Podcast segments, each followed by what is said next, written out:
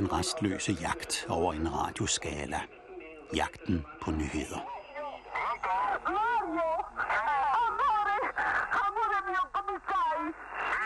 Det bevægede genhør mellem en italiensk hustru og hendes mand ombord på Achille Lauro, efter at kabrerne har sluppet skibet.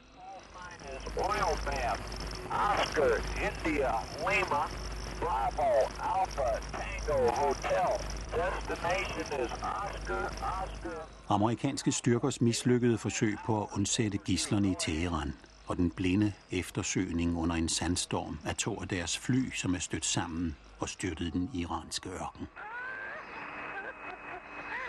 En flypassager, der torteres til døde for åben mikrofon.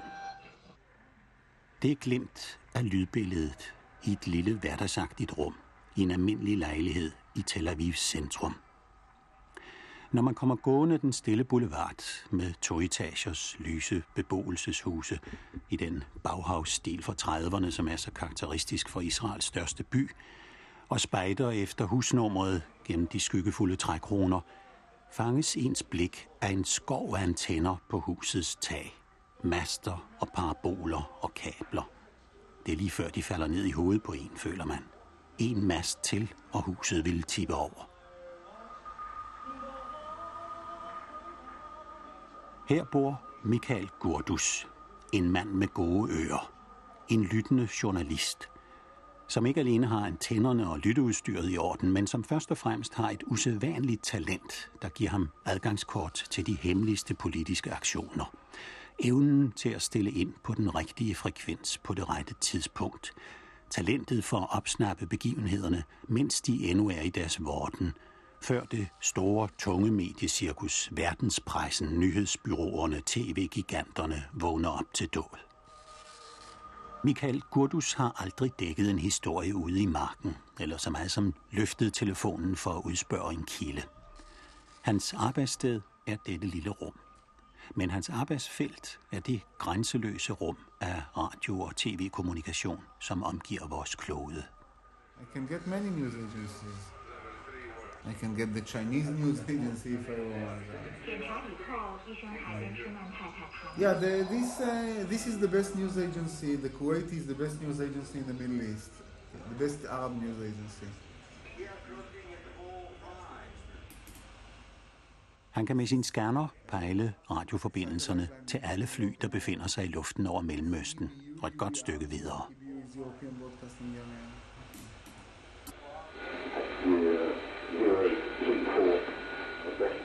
This is a plane over Cyprus. Det er et fly over Kypern, vi følger her.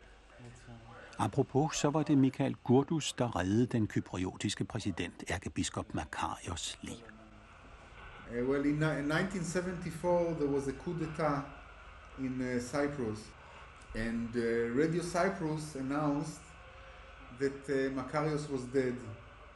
Makarios var ved et statskup den 15. juli 1974 blevet afsat som Kyperns præsident af den kypriotiske nationalgarde, som oberstjuntagen i Athen stod bag, og blev meldt død af den kypriotiske radio. Han var imidlertid flygtet fra sin residens i Nicosia.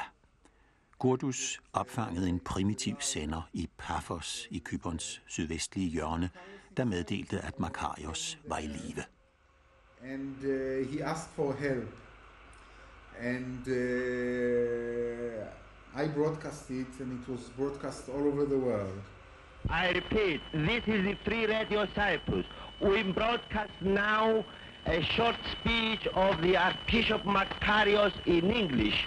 We broadcast now a short speech of the President of the Republic of Cyprus, Archbishop Makarios, in English. Listen to it. I report to the whole world the condemnable intervention of the Greek military regime in the state of Cyprus. The Greek junta planned and put it to action yesterday morning a coup d'etat in Cyprus. The Greek junta violated by this terrible action the independence and sovereignty of Cyprus. It untruly announced from the occupied Cyprus broadcasting station that I am dead. I appeal to the great powers. I appeal to the friendly countries and to all freedom-loving nations to assist the struggle of the people of Cyprus in order to retain its sovereignty and its democracy. Gurdus havde båndoptageren kørende og videresendte appellen til verdensoffentligheden, hvorpå Royal Air Force fløj ind og bragte Makarios i sikkerhed på Malta.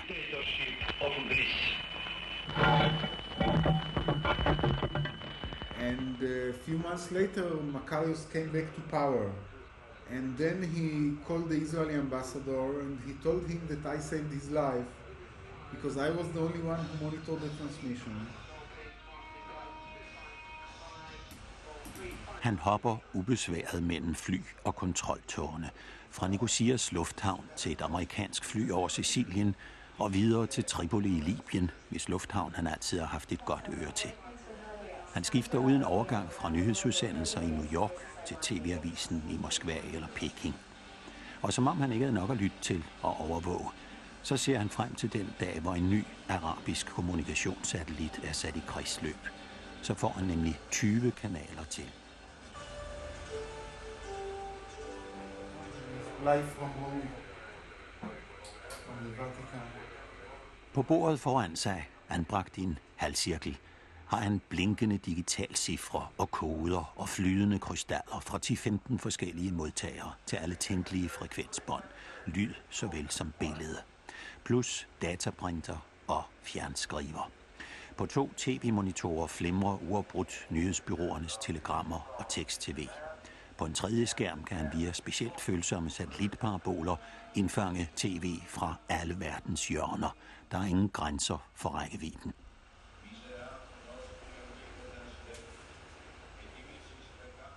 På en af tv-skærmene følger vi påskemessen i Rom, celebreret af paven.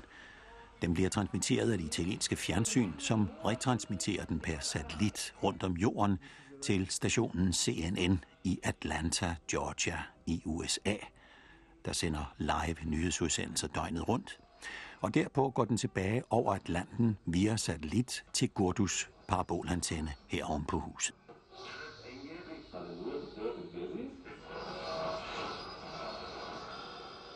Siddende på denne lyttepost har han hentet sensationer ned fra æderen, gjort scoops, som det hedder i fagsproget, journalistiske kup, som kolleger venter forgæves på i overvis. For Gurdus er de næsten rutine. Vi hørte før om ærkebiskop Makarios. Men Gurdus var også den første, der rapporterede om en tæppe, om Mogadishu og en række andre flykabringer.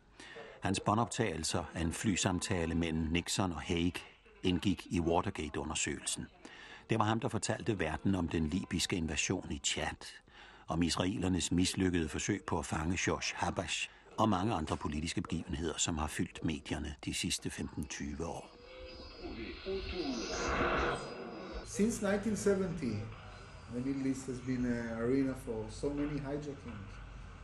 I still remember uh, 19, September of 1970, which is called the Black September, when uh, in two days five or six aircraft were hijacked uh, to a place called Zarqa in Jordan and later blown up by the terrorists. And uh, the sky was full with hijacked planes. Han fik sin ilddåb som lyttende journalist i begyndelsen af september 1970 med den opsigtsvækkende serie flykabringer, hvormed netop Josh Habash og PFLP slog begrebet hijacking fast i vores kollektive bevidsthed, da de i løbet af et par dage bortførte fem internationale rutefly. De tre af dem tvang de ned på en landingsstribe, som britterne i sin tid havde anlagt ved Serka i det nordlige ørkenagtige Jordan. Efter nervepirrende forhandlinger blev de tømte fly, som den effektfulde afslutning på aktionen, sprængt i luften. Der var yderligere to fly med i denne synkroniserede plan. Det fjerde, som også skulle være landet her, måtte dirigeres ned i Cairo, hvor det fik en lignende skæbne. Mens kapringen af den femte maskine, et israelsk fly, den blev udført blandt andet af den navnkundige hijacker Leila Khaled, denne kapring blev forpurret af flyets egne sikkerhedsvagter. And then uh, King Hussein decided to come hard on the Palestinians in Jordan. And a few weeks later, he he initiated the fighting against the PLO and uh, and expelled them from Jordan.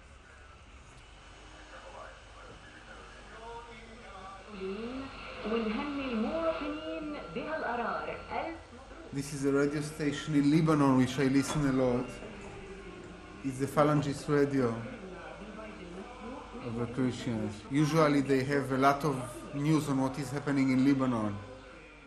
Libanon har de seneste år af meget tragiske grunde været Mellemøstens nyhedscentrum. Falangisternes radio, som vi lytter på her, er en af Gurdus vigtige kilder. What I listen to depends on the events of uh, are. UPI Radio Stuart Small reports on the White House analysis. This is UPI World News from UPI agency. Into a military confrontation in the Gulf of. Oh, It's a real dull day. Luften er stille i dag. Ingen større begivenheder under opsejling. En rigtig kedelig dag for en lyttende journalist. Men hvem ved, dagen er ikke om endnu. well, in Entebbe, uh, my scoop in Entebbe was that I was the first to monitor the hijack of the Air France plane.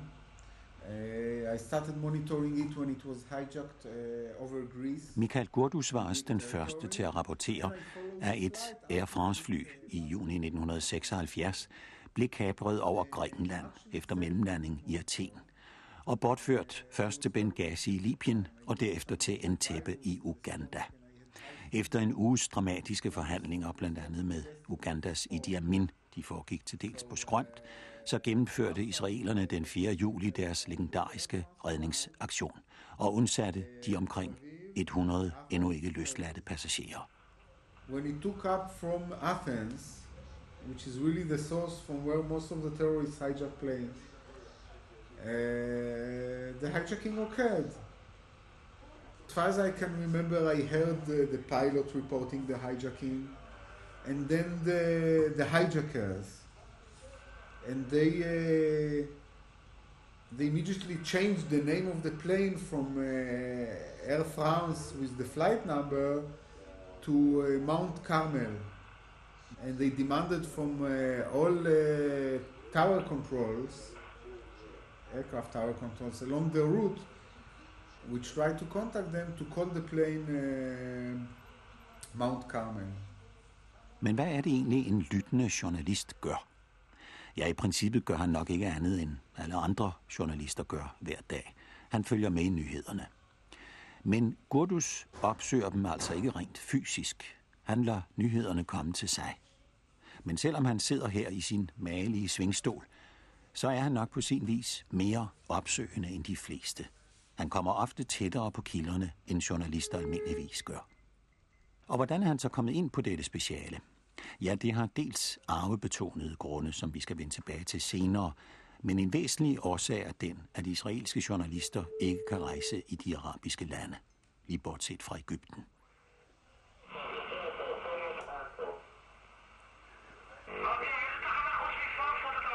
This is El Al speaking to a plane over Europe. They are talking Hebrew. The plane receives now the weather in Frankfurt. He's going to Frankfurt. Her er det et israelsk rutefly på vej til Frankfurt, der får vejrsituationen på bestemmelsesstedet. Himmelstrøgene over Frankfurt har en ganske speciel plads i Gordus erindring, og ikke udelukkende for det positive. Det var fra kontroltårnet i Frankfurt, han opfangede det første signal om, at Lufthansa-fly med 87 feriegæster og fire besætningsmedlemmer på vej hjem fra Mallorca var blevet kapret over Frankrig i oktober 1977.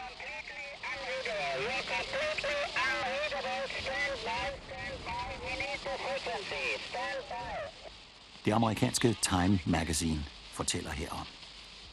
Tidligt på eftermiddagen den 13. oktober sendte Lufthansas Air Control i Frankfurt en summarisk meddelelse til alle sine stationer i Middelhavsområdet. Hold os underrettet om den mindste oplysning, I får. Da den israelske radio- og tv-journalist Michael Gordus hørte det på sin kortbølgemodtager, gættede han straks, at et Lufthansa-fly var blevet kabret. De næste fem dage optog han den bemærkelsesværdige radiokommunikation mellem Tyskland, Mellemøsten og Afrika.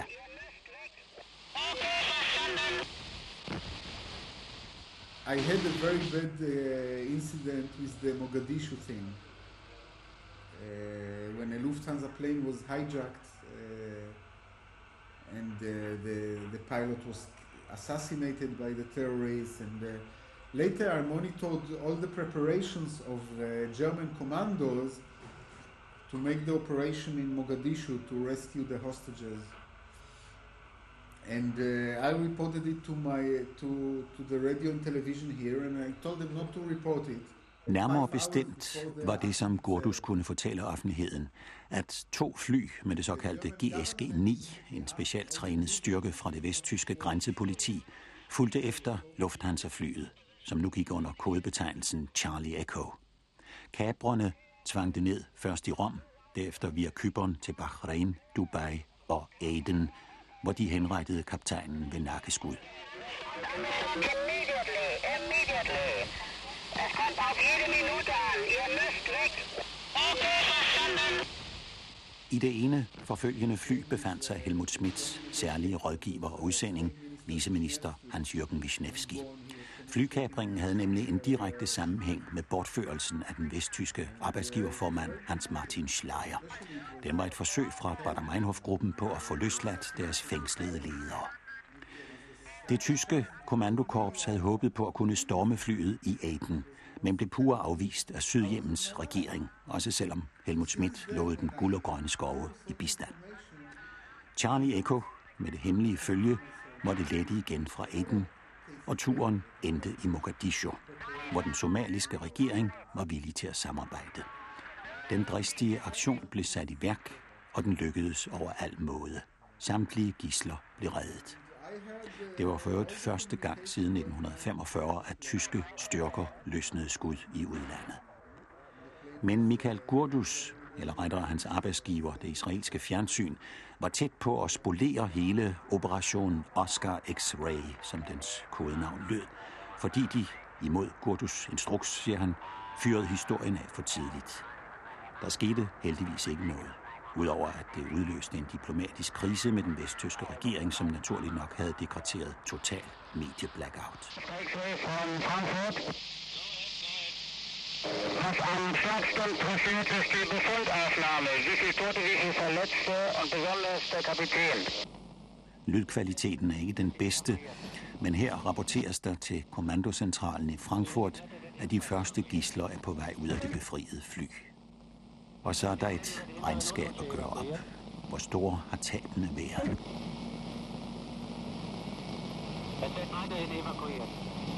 Drei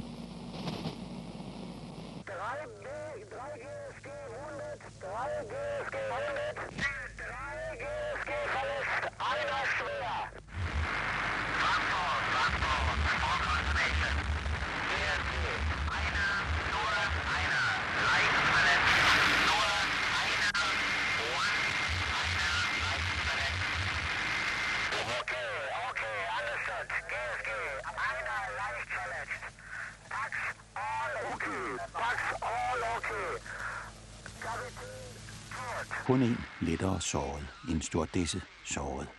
To døde. Tre såret i alt. Kaptajnen død.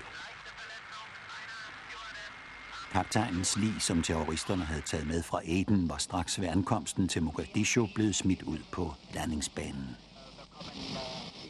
Samme dag begik tre ledende folk i Bader Meinhof-gruppen, Andreas Bader, Gudrun Enslin og Jan Karl Raspe, selvmord i Stamheim-fængslet ved Stuttgart.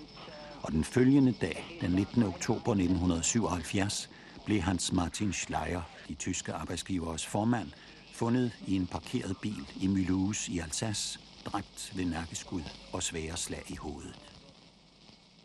Som vi har hørt, nøjes Gurdus ikke med at viderebringe nyheder. Under tiden spiller han selv en aktiv rolle i begivenhederne. For example, uh, three months ago, two months ago, there was a coup d'etat in uh, South Yemen. En længe ulmende broderstrid i det marxistiske Sydjemens partitop eksploderede januar 1986 i en regulær borgerkrig. I hovedstaden Aden rasede blodige kampe.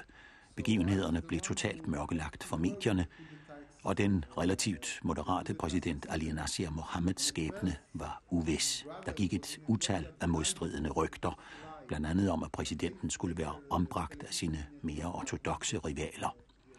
Midt i denne storm rapporterede Gurdus, at præsidenten var flygtet til Etiopien. Men det afviste hans bror på det bestemteste. Senere indrømmede det etiopiske fjernsyn, at Gurdus havde ret. Da krigen mellem Iran og Irak brød ud, rapporterede Gurdus, at Libyen og Syrien havde iværksat en storstilet luftbro med våben til Iran. Og få timer senere afbrød Irak de diplomatiske forbindelser med disse to lande. Libya and Syria started a big airlift to Iran, and few hours later, Iraq uh, severed its relation, diplomatic relations with uh, Syria and with Libya. Jeg spørger Kurdus, som har fulgt hele udviklingen, om der ikke på international plan har indfundet sig en vis handlingslammelse siden de brillante redningsaktioner i Entebbe og Mogadishu. Jo, der har været en del fiaskoer, siger han. Ægypterne for eksempel har udført to redningsaktioner siden 1977, som begge gik galt. Tyskernes aktion i Mogadishu og israelernes i Entebbe blev strålende udført, men ikke så mange andre har haft heldet med sig. Den største fiasko noterede amerikanerne sig nok for i Iran. Aktionen var måske godt nok planlagt, men den måde, de udførte den på, var en katastrofe. The way they carried it out are terrible.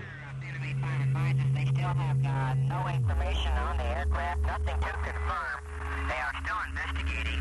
Uh, understand uh, you will Well, it was a, it was a disaster for several reasons. Uh, mainly the weather. The weather was very bad. Det, man forsøgte i april 1980, var en militær undsætning af de 52 gisler i den amerikanske ambassade i Teheran. Fra hangarskibet Nimitz i Omanbugten sendte man i otte helikoptere 90 elitesoldater af den såkaldte Delta Force ind i den iranske saltørken. Den skulle med bistand af CIA-agenter i Teheran befri gislerne. Operationen mislykkedes totalt og fik en tragisk udgang. Tre af helikopterne var behæftet med mekaniske fejl, og man havde valgt forkerte kommunikationsfrekvenser, så flyene i første omgang ikke kunne tale sammen. I den sandstorm, der rasede, støttede en helikopter sammen med et optankningsfly. Begge maskiner forulykkede, og otte mand omkom. With Phantom on information on Charlie 130. Call sign is oil bath. Præsident Carter afblæste aktionen, men Gurdus kunne følge den blinde eftersøgning i sandstormen af de forulykkede fly, hvor de åbenbart havde fået skik på frekvenserne, for det var alt for meget, man nu kunne høre, siger han. De var alt for åbenmundede. Oscar, India, Lima, Bravo, Alpha, Tango, Hotel. Go ahead. 1970, I got a confirmation on call sign that it's oil bath, oil bath. Oscar, India, Lima, Bravo, Alpha, Tango, Hotel, oil bath, affirmative. Oil bath, oil bath. Ordet oliebad, det er et kodeord for det optankningsfly, som er gået tabt. It was very wrong from the beginning to the end. Yeah. Jeg spørger ham, om han ikke følte trang til at gribe ind og hjælpe dem. Jo, helt afgjort, men det var umuligt i enhver henseende. Teknisk umuligt, for Gurdus har ingen sender. En frustrerende situation. Han havde ventet større effektivitet fra amerikanerne, og siden er de også blevet betydeligt bedre til det. Som for eksempel efter Akil Laura-affæren, hvor de opbragte et egyptisk fly med skibets kaprere, Ah, det er nu ikke så vanskeligt at opbringe et civilt fly. Han er ikke imponeret over den indsats. Og heller ikke over USA's bombeangreb på Libyen, som de amerikanske medier og sikkerhedschefer gjorde til en stor sejr. Der var jo ikke tale om jævnbyrdige modstandere. Libyen er et lille land og havde utvivlsomt store problemer med at betjene deres højt udviklede sovjetiske udstyr. Hvis russerne selv havde bemandet det, havde amerikanerne haft betydeligt større vanskeligheder og tab. Alibierne, som de hævder, skulle have fået fingre i en amerikansk raket, det tror han ikke på. Og bestemt heller ikke, at de skulle have nedskudt tre amerikanske fly. Men alligevel kom Gaddafi styrket ud af det, for han blev meget populær i den arabiske verden og i sit eget land, hvor folket ikke får sandheden at vide. And Gaddafi made out of it a big uh, victory. And uh, I'm sure that uh, he really came out of it victorious in his country and in the Arab world. Gurdus har som alle mediefolk holdt et vågent øje med Libyen og dets uforudsigelige leder Oberst Gaddafi. Det var Gurdus, der som den første publicerede den libyske invasion i Chad. Efter massakrene i Roms og Wiens lufthavne i slutningen af 1985 kunne han rapportere, at Libyens luftstyrker og antiluftskyts var sat i højeste kampberedskab. Man frygtede en gengældelsesaktion. Uh, they closed the airspace for civilian traffic. And according to my uh, knowledge, the moment you you take such an act, it means that uh, all there is an attempt to, for a coup d'état, or uh, the Air Force is in a special alert. Og Gurdus var den første, der kom under vejr med, at israelerne havde tvunget et fly ned, som var på vej hjem fra Libyen til Syrien, med delegeret til et top-terroristmøde. Mossads agenter i Libyen holdt imidlertid ikke, hvad de havde lovet. George Habash, som skulle have været ombord, havde i sidste øjeblik skiftet fly. Lyttende journalist. Ja, vi har ikke noget helt præcist ord for det, Michael Gurdus foretager sig. Og det er ikke så underligt, for han er formentlig den eneste, der udøver dette specielle erhverv. Med et lån udefra kunne vi nok komme det nærmere moniterende journalist. Men lad os for nemheds skyld kalde ham lyttende journalist. Men at han er alene på dette journalistiske felt, det betyder selvfølgelig ikke, at han er den eneste, der har radioaflytning og tv-overvågning som profession. Efterretningstjenesterne har øjne og ører på stilke i mindst lige så høj grad som Kurdus. Men det, de opfanger, det kanaliserer de ikke videre til offentligheden, medmindre de der har et specielt politisk formål med det. Til standardspørgsmålet, som han altid skal svare på, om han nu ikke er spion, forsikrer han, at han ikke har forbindelse med noget som helst spionvæsen. De har ikke brug for mig, siger han. Han beskæftiger sig udelukkende med den radio- og tv-trafik, der foregår på kendte sprog og på åbne bølgelængder. Han giver sig ikke af med at knække hemmelige kommunikationskoder. Han omtales ofte som radioamatør, selv af kolleger i medierne. Men med al respekt for radioamatører, så er det ikke en betegnelse, som passer på ham. No, I'm not a radio ham at all. I mean, I have no license of radio. I mean, I have no transmitter. So uh, when things are happening, I have a lot of work. Han er altså ikke radioamatør, alene af den grund, at han ikke har nogen sender. Just a moment. Just a بعد moment. اشتباكات متقطعة دارت قبل ظهر اليوم بين مفلحي أمل والفلسطينيين واستخدمت فيها الأسلحة الصاروخية والرشاشات بعد انتكاسة عن Ah, renewed fighting today in the Palestinian camps in Beirut between the Shiites and the Palestinians. En ting har han til fælles med spioner. Det meste af hans tid består af udramatisk, for ikke at sige kedsommelig, venten. Der kan gå mange dage, hvor han ikke kommer uden for en dør. Men det sker, da han følger sin datter i børnehaven eller hen på legepladsen. Han indtager sine måltider i dette rum. Når han er syg, tager han en madras herind. Hans kone sørger for det meste af det, der skal ordnes uden for hjemmet.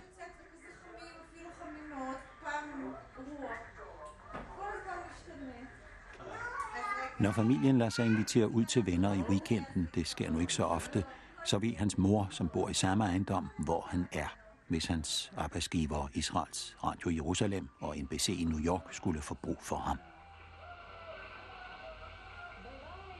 I dag sker der ikke meget i verden. Han kan slappe af. I hvert fald kan han bevæge sig frit omkring i lejligheden. Han er ikke lænket til sin post.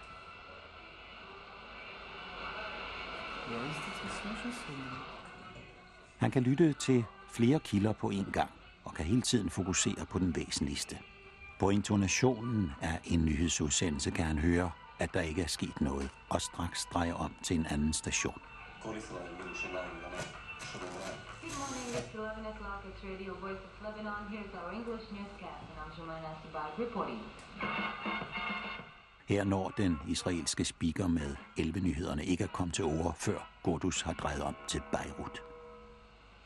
We recall that the Lebanese Forces Executive Committee statement, as well as other declarations made by several Lebanese leaderships, accused Syria of shelling the It's very unusual news from Lebanon because usually in the news you have killing and murder. were killed and Oh. more than 30 un- injured the violent Jeg clashes spørger ham, om han aldrig bliver rasende på verden, så afsindigt som den opfører sig.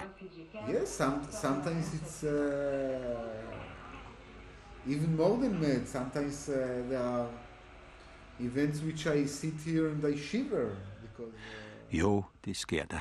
Og samtidig mere end rasende. Nogle gange kan han bare sidde og ryste over hele kroppen. Som for eksempel i marts 1984, da kuwaitiske terrorister bortførte en Airbus fra Kuwait Airlines. and they were torturing the, the hostages in the plane, and I could hear the screaming of the hostages through the radio. يبدا الحوار معهم يبدا الحوار مع الاخوان ولا وهو مفوض لمواصله الحوار Det tyske ugemagasin Der Spiegel beskrev denne hijacking som den hidtil grusomste. Der Spiegel skriver, efter omkring 15 års radiolytterarbejde oplevede Miki Gurdus sidste torsdag lige efter midnat sin karrieres værste chok. I sit radiorum på Khen Boulevard i Tel Aviv opfangede han på 121,5 MHz et enestående tidshistorisk lyddokument, som han benævner det. 40 minutter påhørte denne mand, som tidligere med sit radiopejleudstyr har lyttet med på flybortførelserne til både Entebbe og Mogadishu, hørte han en torteret passagers dødskrig fra cockpittet.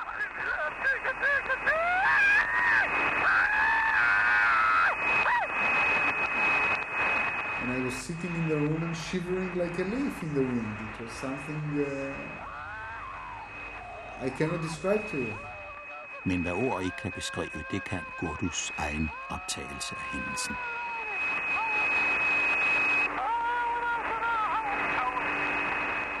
At det foregik i cockpittet og for åben radio var helt bevidst. Med denne forfærdende lydpression forsøgte terroristerne at tvinge et forhat styre i Kuwait til politiske indrømmelser.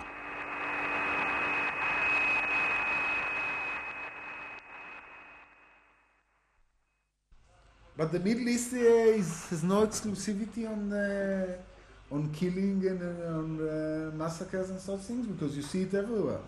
Ja, Mellemøsten har jo ikke patent på myrderier og massakre, siger han. Vi ser det overalt. De værste ting af den art, historien kan berette om, blev udrettet af den avancerede tyske nation. Ingen andre har præsteret noget lignende. Vi ser det i Sydamerika, hvor brasilianerne udfører massakre på indianere, og i Afrika. Få steder på jorden kan sige sig helt fri. Og lige i denne periode er det særligt udtalt i Mellemøsten. This is a period when it comes out really in the Middle East. Og set ud fra et journalistisk synspunkt, så må man konstatere, at folk ikke er interesseret i at høre om de positive ting, der sker. Når tv-stationerne afbryder deres ordinære programmer, så er det for at fortælle om terrorangreb og massakre. Det er det, publikum vil have. Det er åbenbart et instinkt, som er dybt forankret i mennesket.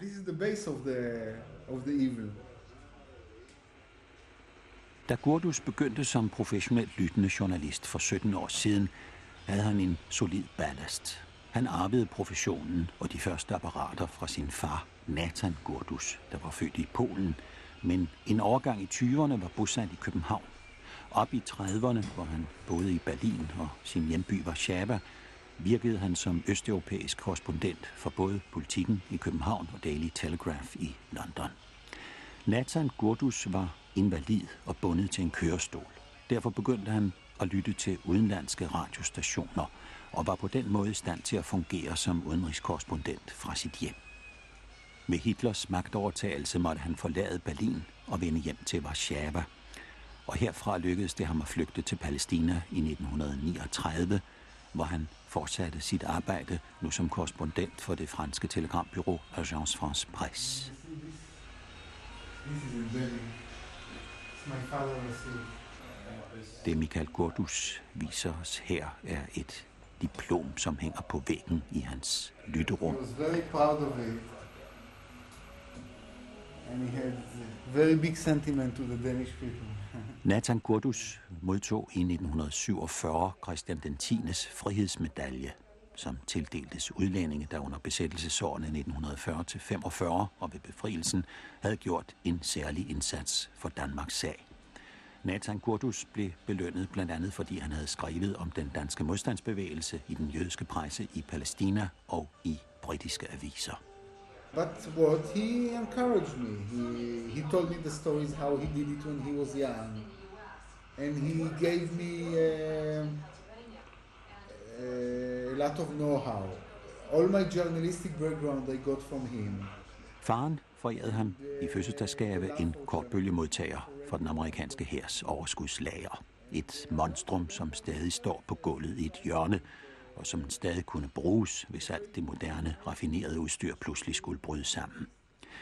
Med dette apparat afsøgte han alle kortbølgebånd og oparbejdede sit instinkt for det usædvanlige, for nyheden, som ingen andre havde opsnappet. Senere indskrev han sig på universitetet, studerede politisk videnskab med fokus på Mellemøsten og sprog, først og fremmest arabisk. Udover arabisk og modersmålet hebraisk behersker han russisk, engelsk, polsk, fransk og noget tysk. Den israelske statsradiofoni fik øje på hans evner og ansatte ham som lyttende reporter og kommentator. I inherited somehow from my father. Senere blev også de store amerikanske networks opmærksomme på hans talent. Han havde i nogle år kontrakt med ABC, men de er på det sidste blevet overbudt af en anden amerikansk tv-gigant, NBC, som har faste installationer i hans lytterum. Når tingene pludselig sker, kommer de og forbinder deres kamera til et stik i hans væg. Og så er han on the air. Rapporterer direkte til de amerikanske seere fra kyst til kyst. TWA 847 will advise. Det skete for eksempel, da han selvfølgelig som den første kunne rapportere, at en gruppe yderliggående libanesiske shia-muslimer havde kapret et amerikansk TWA-fly i juli 1985, efter at det var lettet fra Athen. Deres krav lød på løsladelse af ca. 700 af deres kampfælder i israelsk fangenskab. Kaprerne frigav nogle af deres gisler i Algeriet under flyets pendulfart mellem dette land og Libanon. To gange var det frem og tilbage. Men de libanesiske myndigheder ville ikke give dem landingstilladelse. Selv ikke tredje gang, de cirklede over Beirut. Selv ikke, da kaptajnen meddelte, at en passager allerede var dræbt, og at brændstoftankene var næsten tomme. That is a negative. منفجر الطيارة واللي علامتنا آه، لا يقل عن 180 Americanis. Via Gordus lyttebord fik det amerikanske publikum direkte adgang til cockpittet, og han rapporterede live under hele det dramatiske forløb, hvor han kunne registrere kaptajnens voksende træthed og anspændthed. Jeg følte sådan en medlidenhed med ham, siger han.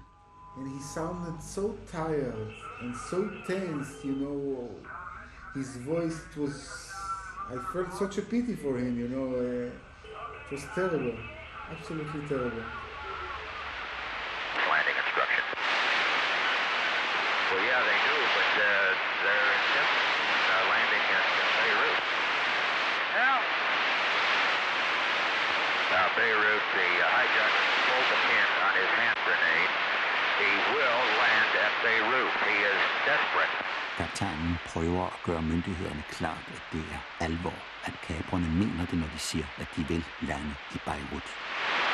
He has pulled a hand grenade pin and he is ready to blow up the aircraft if he has to. We must, I repeat, we land at Beirut. We must land at Beirut.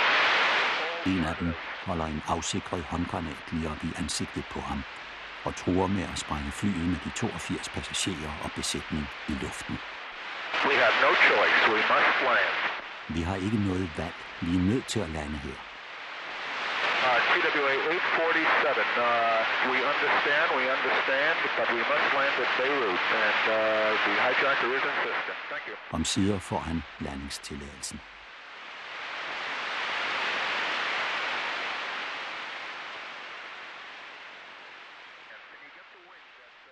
I et demokrati har borgerne krav på fuld information, mener Gurdus.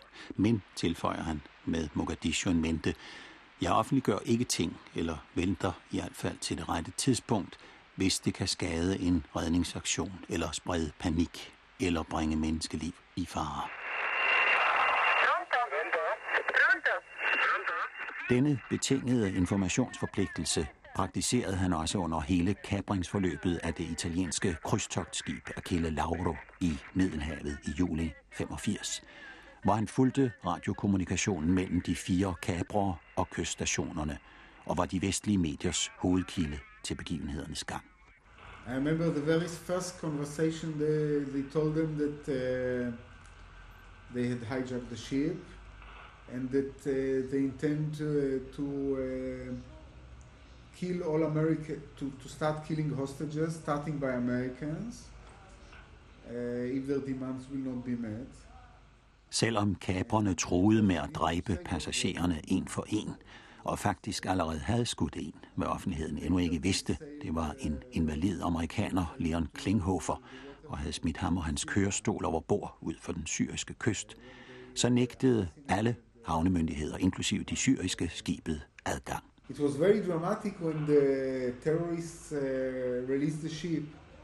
So I heard the family, the people on the boat, calling their families in Italy, the crew members, and crying and kissing.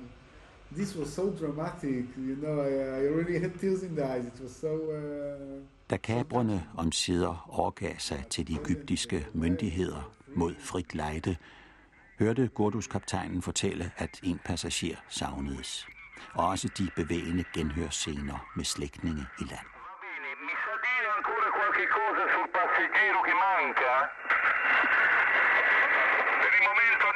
Per il momento niente. Ma è un uomo o una donna? Un uomo, un uomo.